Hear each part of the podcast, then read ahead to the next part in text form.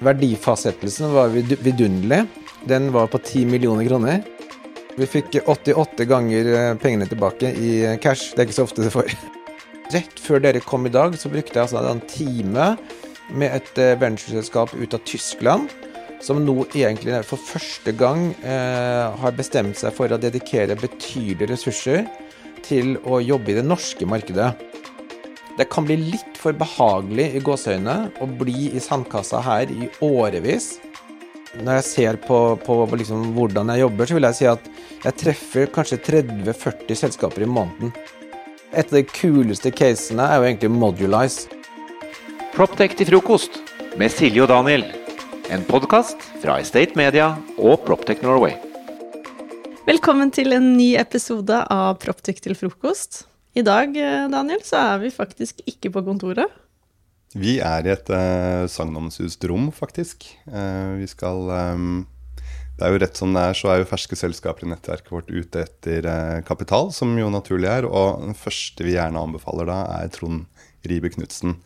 Det er mannen som har gått inn i over 100 tidligfaseselskaper. Um, og de snakker med oss ikke bare for å hente pengene hans, eh, tror vi, men denne mannen har jo hørt flere ville startup-ideer enn vanlige folk har møtt mennesker, vil jeg si. Og vi sitter jo da her inne i dag eh, på, på, selve møterommet, mistenker jeg, hvor eh, rare startup-ideer kommer for å dø. Um, og samtidig så må det være et sted det er fantastiske råd å hente, tror jeg, Silje. Um, hvis vi skal introdusere mannen, da, så vil jeg jo si at uh, hvis Spacemaker på en måte er blitt selve urselskapet i norsk proptech, så er Trond kanskje urinvestoren og hovedoraklet.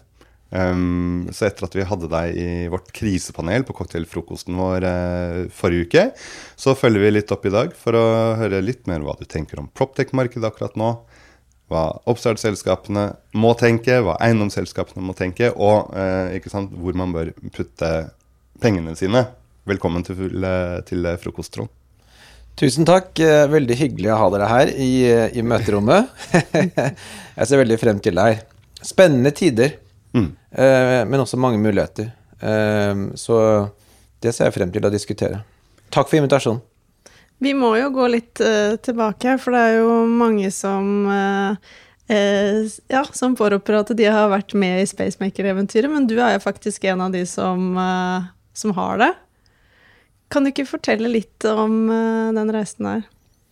Ja, det var jo et case som på mange måter passet meg veldig bra. Mm. Jeg hadde jo eh, min bakgrunn langt tilbake i tid eh, på NTH, hvor jeg da gikk på bygg og ble sivilingeniør innenfor byggefaget. Og mine foreldre hadde jobbet, hatt et rådgiveringeniørkontor i bygge, byggefaget i alle år. og så var jeg da ute i verden i 25 år, på Harvard, og jobbet i McKinsey. Mm. Og så begynte jeg jo å ta litt sånn ansvar for at uh, Norge måtte ta startup, venture, teknologiinnovasjon mer alvorlig i etterkant av oljeprisfallet i 2014 og sånn. Mm. Så jeg sluttet i McKinsey og rakk opp hånden og sa at nå skal jeg være med på å bygge et sterkt økosystem i Norge. Uh, og som en del av det så ble jeg invitert til Arkwright.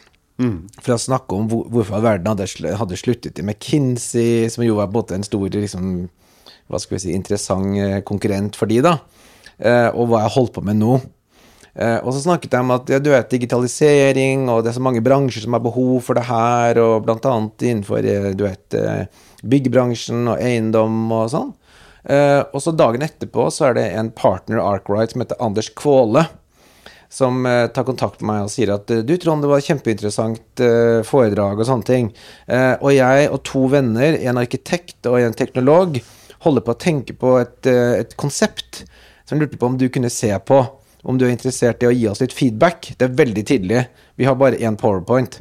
eh, og så het Anders det var kjempespennende, jeg kan ikke komme på kontoret, så ser vi på det. Og da kom eh, de tre på kontoret hos meg, og vi snakket om dette veldig tidlig. Eh, og eh, jeg var veldig, veldig klar i mitt hode på at de hadde en idé som ingen andre i verden hadde løst. Og det var jo prinsippet hvordan du optimerer tomteutnyttelse for eh, leilighetsbygg eh, når det er så mange variable. Det er jo både regulatoriske variable, det er variabler rundt hva du vil optimere for, kvadratmeter eller utsikt eller lyd. Det er så mange variabler. Eh, og det som skjedde i dag, var jo at du vanligvis gikk til en arkitekt og fikk to alternativ. Når det egentlig er liksom to trillioner alternativ. Ikke sant? Mm. Og det er på en måte å lage en optimeringsmodell for det, det syns jeg hørtes veldig spennende ut. Så allerede da så ble jeg enig med, med de tre da, om at det her ville jeg være med på. Altså du skjønte med en gang at de gutta her, de kommer til å få det til? Ja, for det første så var jo dette det ultimate liksom founder fit. Hvor de tre åpenbart både kjente hverandre fra før, hadde respekt for hverandre, eh, hadde ulik kompetanse som var relevant. Egentlig en produktperson, en teknologperson og en businessleder, egentlig. På mange måter en perfekt kombinasjon. Eh, og de hadde en idé som resonnerte med meg. Og det er også veldig viktig for meg vanligvis, at jeg må selv bli liksom excited rundt ideen. Sånn at jeg kan måte både jobbe med dem på det, men også snakke med andre om det. Mm. Eh, så da de da bestemte seg for å lansere selskapet og gå all in, eh, så kom de tilbake på kontoret til meg og eh, spurte om jeg ville være med som investor i den aller første runden. da. Eh, og da ja, for var du vi, var faktisk første eksterne investor Ja, da, da var vi to, eh, tror jeg, eller tre, som var med i den første runden. Og verdifastsettelsen var vidunderlig. Den var på 10 millioner kroner. Mm. Og det er også viktig for en investor er å få et attraktivt entrypunkt. Eh, og det var det definitivt også i det caset. Så eh, i og med at jeg hadde litt erfaring og stor passion for temaet, så var jeg relativt tett på eh, de første årene. Og for eksempel så hadde vi Jeg arrangerer jo noen ganger her på kontoret slike møter mellom toppledelsen i norske bedrifter og startup-selskaper. Sånn at de på en måte får truffet hverandre. Uh, og ofte leder jo det til investeringer, til pilotprosjekt, til kontrakter. Uh, og vi hadde en dag hvor uh, bl.a. AF-gruppen var her, og da Spacemaker. Mm. og det ledet bl.a. til et enda dypere og bedre samarbeid mellom de, og etter hvert så kom AF-gruppen inn, Obos kom inn, og veldig mange i hele tatt i Stor-Oslo kom inn. Uh, hele økosystemet her etter hvert begynte jo på en måte å spille sammen med Spacemaker og gjøre Spacemaker uh, sterkt. da. Og det var mange som bidro til. Mm. Men uh, vi også hadde en lite, liten del i det, da. og så etter hvert så blir jo selskapene så store at min rolle blir mye mindre. Eh, så det var i de første egentlig to formative årene at jeg spilte den største rollen i, i Spacemaker. Da. Så du hadde altså byggeriet på en måte i, i, blodet, og du studerte det. Du hadde kanskje ikke hatt det så mye med altså Dette var jo en tid da PropTech som, som felt nærmest var ikke-eksisterende i de store konsulenthusene andre steder. Og så går du inn med en uh, investering på litt over 400 000 i, mm. i Spacemaker. Uh, og historien er jo at Spacemaker etter hvert ble solgt for 2,2 milliarder kroner til Autodesk. Ja. Og du satt jo igjen med en pen slump der. Uh, ja, vi fikk 88 ganger pengene tilbake i cash. Det er ikke så ofte du får. ja, det, et, det, men, men det, det, må jo ha vært gromt. Jeg må jo si at, at det viktige for, veldig viktig for, for, for, meg har jo vært at, at det også var bra for Spacemaker. Hvorfor solgte dere Spacemaker? Kan vi få litt innside? Ja, det, det, burde jo selvfølgelig eh, Anders og, og teamet mm. egentlig svare på, og de har mye bedre svar enn meg. Men det som jeg tror var en viktig vurdering eh, vi gjorde, var at eh, den veien frem til at Spacemaker standalone skulle få en global posisjon og være i globale markeder med omtrent egen go to market-modell, det ville kreve så mye kapital at du måtte gå gjennom veldig mange videre og større venture-runder. Og det å gjøre det er krevende, men har også veldig høy risiko. Så eh, jeg tror en vurdering vi bl.a. gjorde, var jo du vet, Hva er sannsynligheten for at du går gjennom fire-fem store, nye venture-runder og kommer ut med noe som er mer attraktivt for oss som investorer da, i forhold til å selge nå?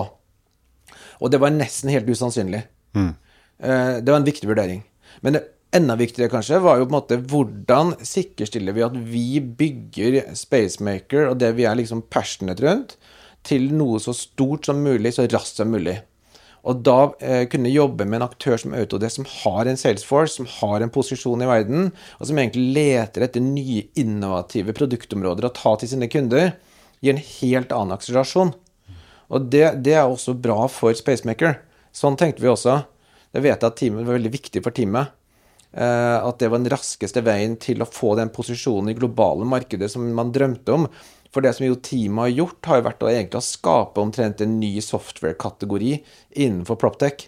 Mm. Eh, og det tror jeg Autodesk så, og det har også gjort at eh, de har ønsket å reinvestere og lage liksom dette til en hub for den type computing da, mm. innenfor Autodesk. Ja. Sånn AI-generert Ja, og det, det, det, det ser jeg ofte. Det var ofte Da jeg jobbet i McKinsey også, sa jeg ofte at uh, når du har et veldig godt utgangspunkt i Norge, så er det å bli en, en, del av noe større globalt kan være veldig veldig spennende og skape nye muligheter. Jeg tror vi så det da Tandberg ble solgt til Cisco at Cisco bare bygde opp mer på videokonferanse i Norge. Mm. Eh, og vi har sett det eh, i andre situasjoner. Så jeg tror vi, det var også en del av bakgrunnen for at, eh, at, eh, at det var tror jeg, absolutt riktig løsning i den situasjonen. Mm. Vi snakket jo litt sammen da under det Proptech til frokosteventet, og da var du veldig tydelig på at det har aldri gått så bra med norsk Proptech noen gang som det gjør akkurat nå. Det må du fortelle litt mer om. Ja, og Det er jo interessant at uh, i, i, en verden da, hvor uh, Proptech-investeringene jo har vært uh, ned i 2022 i forhold til 2021 23 ser ikke så bra ut, internasjonal Proptech, mm. så viser jo tallene at uh, det aldri har vært investert mer i Proptech i Norge enn i år. Um, og vi tror på en måte at det har å gjøre med at I Norge kan du faktisk bygge verdensledende proptech-selskaper. Og det tror jeg investorene er klar over. Og vi har også sett større internasjonal interesse eh, for norske proptech-selskap. Ja, hvordan merker du det? Ja, eh, jeg merker det veldig. internasjonale investorer, corporate venturekapital, venturefond, svært interessert i hva som skjer i Norge. Og rett før dere kom i dag, så brukte jeg altså en time med et uh, ventureselskap ut av Tyskland, som nå egentlig for første gang eh, har bestemt seg for å dedikere betydelige ressurser til å jobbe i det norske markedet. Fordi de ser at her skjer det så mye spennende også innenfor Proptech. Eh, og for eksempel for de, da, så sier de at den tyske byggeindustrien Eh, er så mye mer konservativ enn det de ser at vi er i Norge. Mm. Hvor vi på en måte gjennom verdikjeden og økosystemet har aktører som faktisk eh, stikker hodet frem eh, og støtter innovatører. Og er villig til å prøve nye digitale løsninger. Dette må jeg si at det gjelder jo staten, Nye Veier, Statsbygg Mye av det som staten gjør, har vært veldig støttende for mange av våre selskaper i tidlig fase. Mm. De store entreprenørene har vist stor eh, vilje til å være med og bruke nye eh, løsninger. På planleggingssiden ser vi mye av det samme. Så, så, dette økosystemet her, selv om det ikke er så stort, er på en måte et lite digitalt laboratorium for øyeblikket. Mm.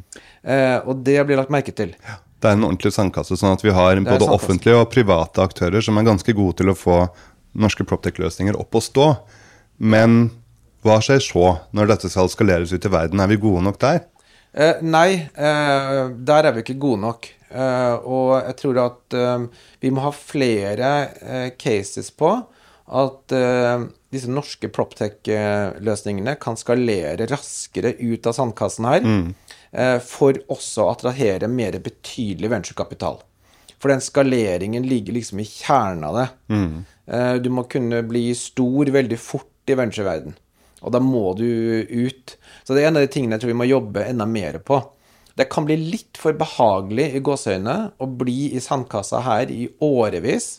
Eh, men du får ikke den utviklingen som gjør at du attraherer neste generasjon eh, ventureselskaper til å investere. Men tror du ikke at det kanskje kommer litt av seg selv nå som det blir vanskeligere med finansiering? Jo, vi ser det. Og, ja, ikke sant? At mm. man må jobbe litt raskere for å hente utenlandsk eh, kapital. Har du begynt å få mange søtte samtaler fra folk som trenger litt mer runway? Og, og hva, hva, tror du skjer med, med, med startup-markedet akkurat nå? Ja, det tror jeg eh, alle som, eh, som jobber i, i startup-venture-bransjen i dag, opplever jo akkurat det. At mange selskaper opplever at det er litt tøffere der ute. Du vet Kravene kan være litt høyere mm. til å få eh, investeringer. Og at de av den grunn kanskje må ta kostnadsnivået sitt litt ned. Mm.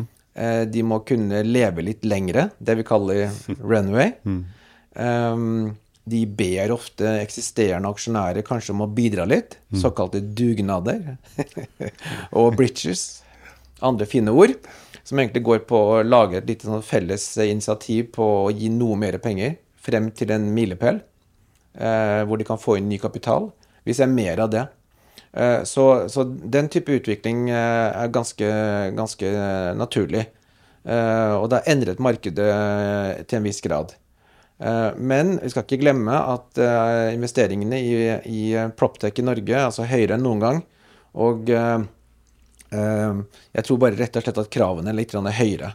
Og det gjør at vi, vi sier også, også ofte at i dagens eh, marked så må du være eh, veldig fokusert. Altså du må, du må, kunne ha høy return on investment på det du bruker penger på. Må på en måte være kjerneaktivitet som er, som er kritisk for, de, for, å få kunder, kritisk for å styrke liksom, din, ditt produkt- og tjenestetilbud. Eh, men så må du i prinsippet ta bort alt annet. Mm. Eh, og vi har jo opplevd tidligere, i gode tider, at kanskje selskapene har kunnet reise penger litt for enkelt. Uten å ha helt klare planer for. De kunne bare plukke investorer ja, for uh, bare halvannet år siden. Mm. Så det kan jo være disiplinerende også. Jeg tror ordet disiplin er et ganske fint ord ja. for det som skjer nå. Litt mer disiplin, men, men ingen krise. Med Life at Work fra VNI er alle byggtjenester samlet i én løsning med én og samme app for alt av adgangskontroll og parkering.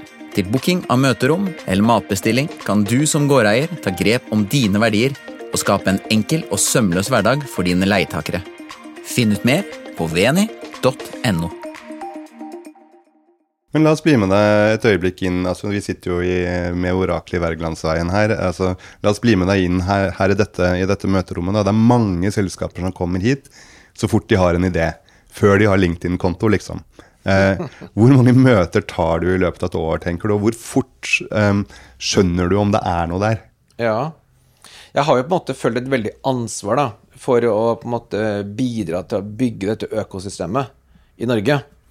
Og i det har jo ligget også at jeg syns det både er spennende og verdifullt å treffe mange selskaper. Så, så eh, når jeg ser på, på liksom hvordan jeg jobber, så vil jeg si at jeg treffer kanskje 30-40 selskaper i måneden. Wow. Her i rommet, eller på video. Og da bruker jeg en time. Eh, for jeg, jeg, jeg syns det er spennende å problemløse med dem, bli kjent med dem. Forhåpentligvis eh, kunne gi noe råd. Uh, og, og, i noen tilfeller uh, gå videre med en uh, potensiell investering. Så jeg vil si at en vanlig måned for meg er at jeg, i første uken i måneden så treffer jeg 30-40 selskaper. Mm. bruker godt med tid på det. Og så fortsetter jeg med to-tre av de gjennom måneden, og så normalt kanskje gjør en investering ved slutten av måneden. Og det har da gjort at vår, vår rytme er egentlig på den måten, da. og det gjør at vi ofte da investerer i 10-12 selskaper i, i året. Så det er egentlig eh, liksom systemet. Og det gjør det liksom mer overkommelig også at du har litt struktur på det. Og så gir det oss litt tid på å forberede oss litt og bli litt smarte på temaet. Eh, og være en god sparringpartner i møtet. Mm. Eh, så det, det, er måten det foregår på. Og da er det et større antall selskaper som jeg da har sagt nei til, fordi at jeg ikke føler at det passer i mandatet, eller at jeg personlig får ikke noe entusiasme rundt hva de egentlig har tenkt å lage. Mm. ikke sant? Eh, så det må jo være en energi der som, som gjør at jeg syns det er spennende å, å, møte de og eventuelt jobbe med de. Og Det er det privilegium jeg har ved at jeg på en måte jobber uten andre investorer. At jeg kan, jeg kan egentlig velge helt selv hva jeg vil engasjere på. Og Derfor er nok det entusiasmen enda viktigere eh, enn bare liksom finansiell avkastning. Eh, så det preger nå også, også bildet. Jeg er veldig nysgjerrig. Så hvis det er noen som kommer med noe spennende innsikt på et temaområde som jeg kanskje ikke kan så mye om, men jeg gjerne vil lære noe mer om, da syns jeg det er kjempespennende. Da, da får de møte. En ting som jeg blir litt nysgjerrig på, er for når du har sagt et par ganger at du liksom føler at det er ditt ansvar å bidra her. Eh, hvorfor det?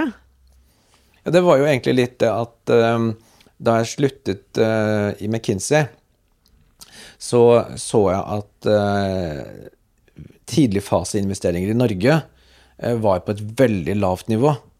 Altså det var liksom under 2 milliarder kroner i året. Uh, mens det samme året så gikk det 200 milliarder til olje- og gassinvesteringer. Og det var en sånn enorm ubalanse. Uh, og jeg hørte fra mange at uh, entreprenører, nyskapere i Norge, fikk ikke støtte og nødvendige investeringer. Eh, og så så jeg på en måte at hele økosystemet eh, var veldig, veldig, veldig marginalt.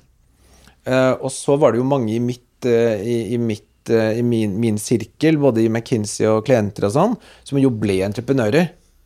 Og Carl og Vegard startet Oda, og Tor Jakob startet Arundo her, og, og, og så videre og så videre. Um, og da ble jeg på en måte dratt inn da, i dette, og så at uh, her var det jo mye man kunne gjøre.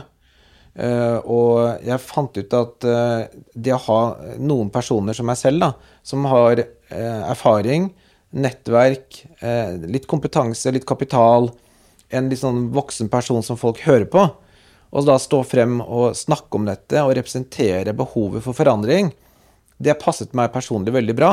For jeg liker å være litt sånn change leader.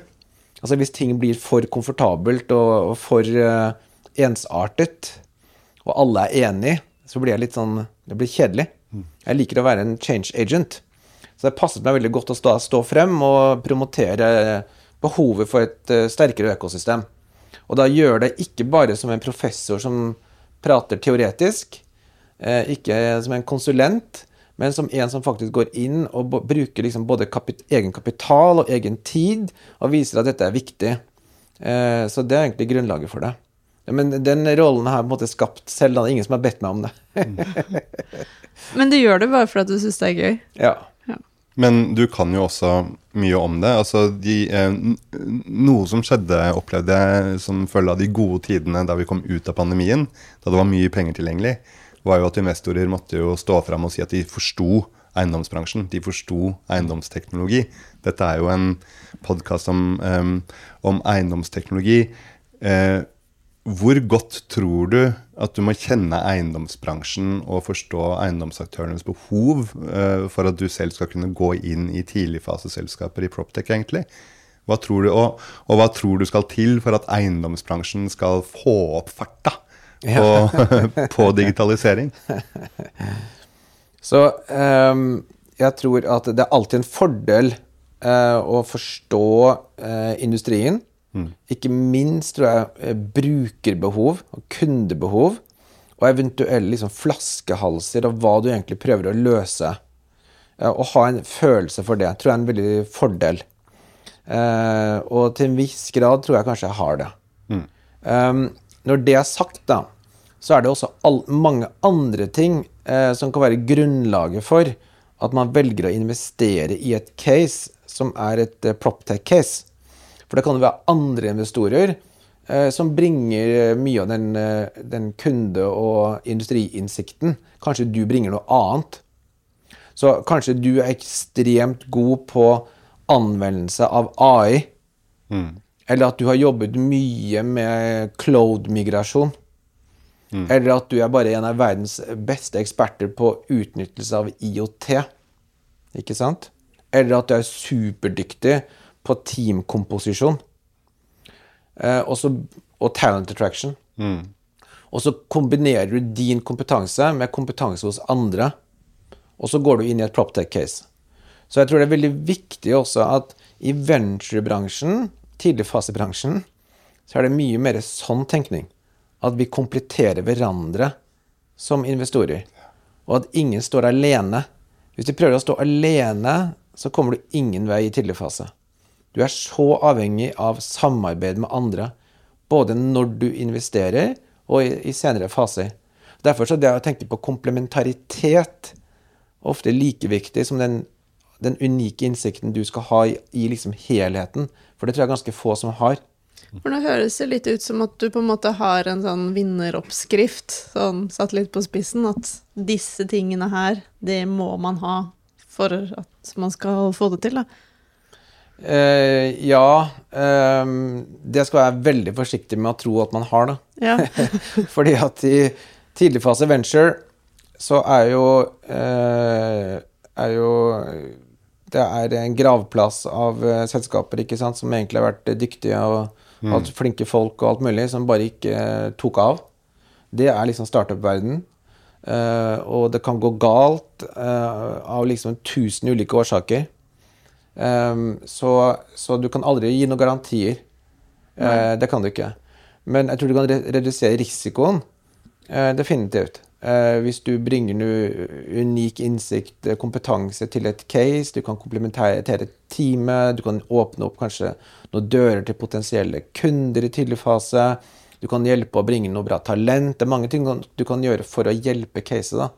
Uh, og så er det noen ting du kanskje må se etter er, er på plass for at du er komfortabel med å, å investere. Da. Mm, men la oss stille spørsmålet på en litt annen måte, da. Um, hvor i eiendom tenker du at vi liksom Her trenger vi innovasjon. Liksom. Hvilke selskap drømmer du liksom skal velte inn denne døra her? Og hva, hva ville gjort at du flekket opp uh, lommeboken og kastet penger etter dem hvis de sa det riktige? Ma ma ma mange, mange, selskaper jeg da har, jeg har gått inn i og jobber med, adresserer jo faktisk akkurat det. da.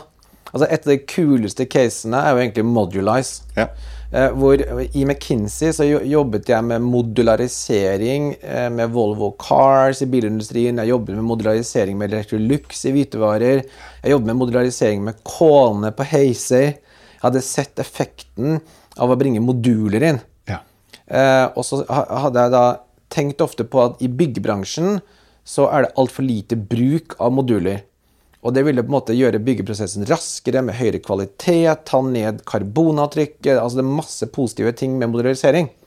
Men i byggebransjen så kunne vi ikke bruke samme teknologi som vi gjorde på Volvo og Electrolux, hvor vi bare egentlig gjorde om designhåndboka. Og så at du kan ikke designe som du vil. Her er modulene. Og hvis du ikke er komfortabel med det, så kan du jobbe et annet sted. Mm. Det kan du gjøre i en fullintegrert verdikjede som i bil og i hvitevarer. Men i byggebransjen så er det ikke slik. Det er jo arkitekten og byggherren gjør sine egne vurderinger, og så havner det plutselig på bordet til noen som skal bygge det. Eh, så det vi jobbet med, med, med, med i Antler, var å se om eh, vi kunne lage en wedge inn i bransjen, hvor vi kunne få til at moduler ble mer konkurransedyktige. Mm.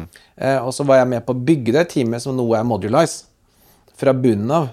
For du, eh, du, fordi du jobbet, eh, du jobbet sammen en eh, Altså i Antler så, så var du en Hva, hva heter den? Ja, jeg, I Antler så var jeg en mentor. En mentor, men jeg er også det såkalt venture partner, da, Mm. som gjør at jeg bruker en god del tid der. Eh, og så var jeg med på å starte Antler i Singapore. Jeg er GP, eier Antler på Mm. topp, og også i, med i fondene og sånn. så med på middag. Men det som er morsomt, er at Antler gir meg mulighet til å, å sånn som i det caset der, da, se om kan vi i fellesskap finne en løsning på akkurat det du spurte om. Ting som jeg drømmer om. Jeg drømmer om å kunne finne en modell for modularisering i byggebransjen. Og så har jeg tre fantastiske mennesker i Antler som drømmer om det samme. Og så lager vi et selskap som nå er Modulize med 19 ansatte. Og som eh, jo har en fantastisk utvikling. Mm. Så det er til ditt spørsmål. Sånn jobber jeg. Eh, Jeg har ideer. Det er ikke alltid at det er så bra match som i det tilfellet. Men eh, layout er et annet eksempel. Også som vi startet i Antler, ikke sant? for at vi hadde gjort Spacemaker, tomteoptimering. Hva med floor planning? Kan vi bruke AI-optimering på floor planning? Særlig i etterkant av eh, pandemien, hvor folk jobber på nye måter. Det gjør at nesten alle floor plans blir rekonfigurert. Og eh, der er liksom arkitektene en flaskehals på å få det gjort. Og det er for få arkitekter til å gjøre det, og det er for kostbart. Så da er det teamet på layout, da, som jeg også jobbet med fra første øyeblikk i Antler, vi har laget en optimeringsmodell for floor planning. Så jeg har mange sånne ideer.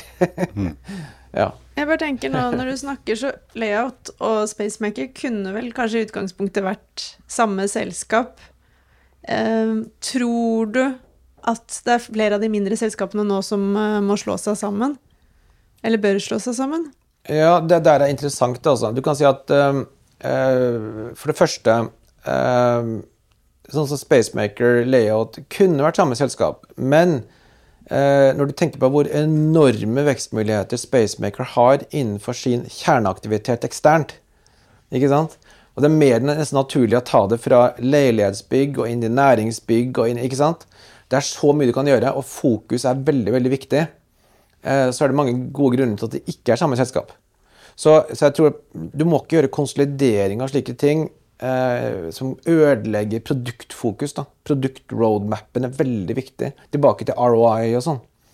Eh, når det gjelder konsolidering, så tror jeg at konsolidering eh, kanskje i all hovedsak vil drives fra salg og customer acquisition-siden. Uh, hvor det er tøft for standalone proptex, som er små, å gå ut i verden uh, og bygge egen salgsorganisasjon. Det er kostbart. Uh, og det er klart at der kan det ligge interessante muligheter for, for konsolidering ut ifra kanskje et internasjonalt go to market-perspektiv i, i, all hovedsak. Mm. men det er jo fragmentert, og man kommer til å se konsolidering. Men du må gjøre det på riktig måte. Ja, Du har jo snakket om ehm, Jeg husker på Proptech Summit i fjor, så nevnte du Visma, som på en måte har vært på sånn oppkjøpsraid nærmest ja. og kjøpt masse selskaper og bygger egne suiter. Eh, og de gjør det samme i Sverige nå. Vasakronan bygger Hydda. Um, hvor man samler masse ulike tjenester innenfor eiendomsteknologi under ett tak. Mm. Tror du det kan være en, eh, en, en, måte å gjøre det på? Ja, det er morsomt, for at uh, på Proptech Summit i fjor, da jeg sa at uh, det er egentlig behov for en Visma innenfor eiendom. Mm -hmm. Så ringte Visma Eiendom meg dagen etterpå og, og sa at du, Trond, eh, det er et Visma Eiendom. Så da har jeg møtt de et par ganger i etterkant, og de virker veldig flinke. Ja. Og, og, Visma har jo en modell for dette, som jo har vist seg suksessfull i område etter område etter område. Visma er jo på en måte et litt sånn ukjent suksesscase i nordeuropeisk software. Eh, så det har jeg stor, stor respekt for. Eh, de holder jo selskapene relativt eh, uavhengige. Mm. og så er det en del nærmest konsernsynergier i det. En litt annen konsolideringsmodell enn den som jeg snakket om i sted, som på en måte har sterkere konsolidering i salgsleddet, mm. som er kanskje interessant internasjonalt. Så jeg tror vi vil se forskjellige typer konsolidering. da. Og kanskje noen av rådgiv rådgivningsmiljøene som jo er børsnoterte. Du har Multiconsult på børs, Norconsult går på børs. Kanskje de kan også ta et sterkere grep om å, å bygge eh, teknologiarmer, ikke sant? Som på en måte bidrar med software, SAS-inntekter og sånne ting, og bidrar til valuation for de også. Så jeg ville tippe at du vil se en sånn utvikling der også. Så, så konsolidering kan komme fra litt ulike kanter. Mm. Det jeg er litt bekymret for, er eh, nå som det blir litt tøffere tider for eiendomsbransjen, at eh, For de har jo vært veldig ivrige når det kommer til proptech-selskaper, og de har investert og testet ut. Men nå som det kommer litt vanskelige tider, så er jo det typisk at man kanskje eh, stenger lommeboka og begynner å jobbe litt mer sånn tradisjonelt igjen. At man kanskje ikke har tid til å teste ut ting og være like hva skal jeg si, ivrig som man har vært før. Hva vil du si til de? Eiendomsselskapene? Ja, Du kan på mange måter si at det er jo nå eh, behovet for effektivisering mm. er større enn noen gang før. Og da tror jeg det måtte på mange måter opp til proptech noen ganger også på en måte å endre kanskje litt grann sin eh, verdiproposisjon. da, eh, I retning av mer sånn kortsiktig, mer umiddelbar positiv effekt for kunden. Eh, og hvis du går gjennom hele verdikjeden, construction tech, proptech, så er det jo betydelig mulighet for effektivisering. Det vet vi jo. Det er en av de store grunnene til at vi er opptatt av digitalisering i bransjen generelt sett. Og det går jo både på, på kostnadsbesparinger, eh, effektivisering på byggeplass, eh, få høyere utnyttelse på tilgjengelig eh, areal, nye forretningsmodeller. Nye mm. forretningsmodeller. Så det, det, er jo ikke noe, det er fremdeles veldig mange ting du ganske kortsiktig kan få effekt av.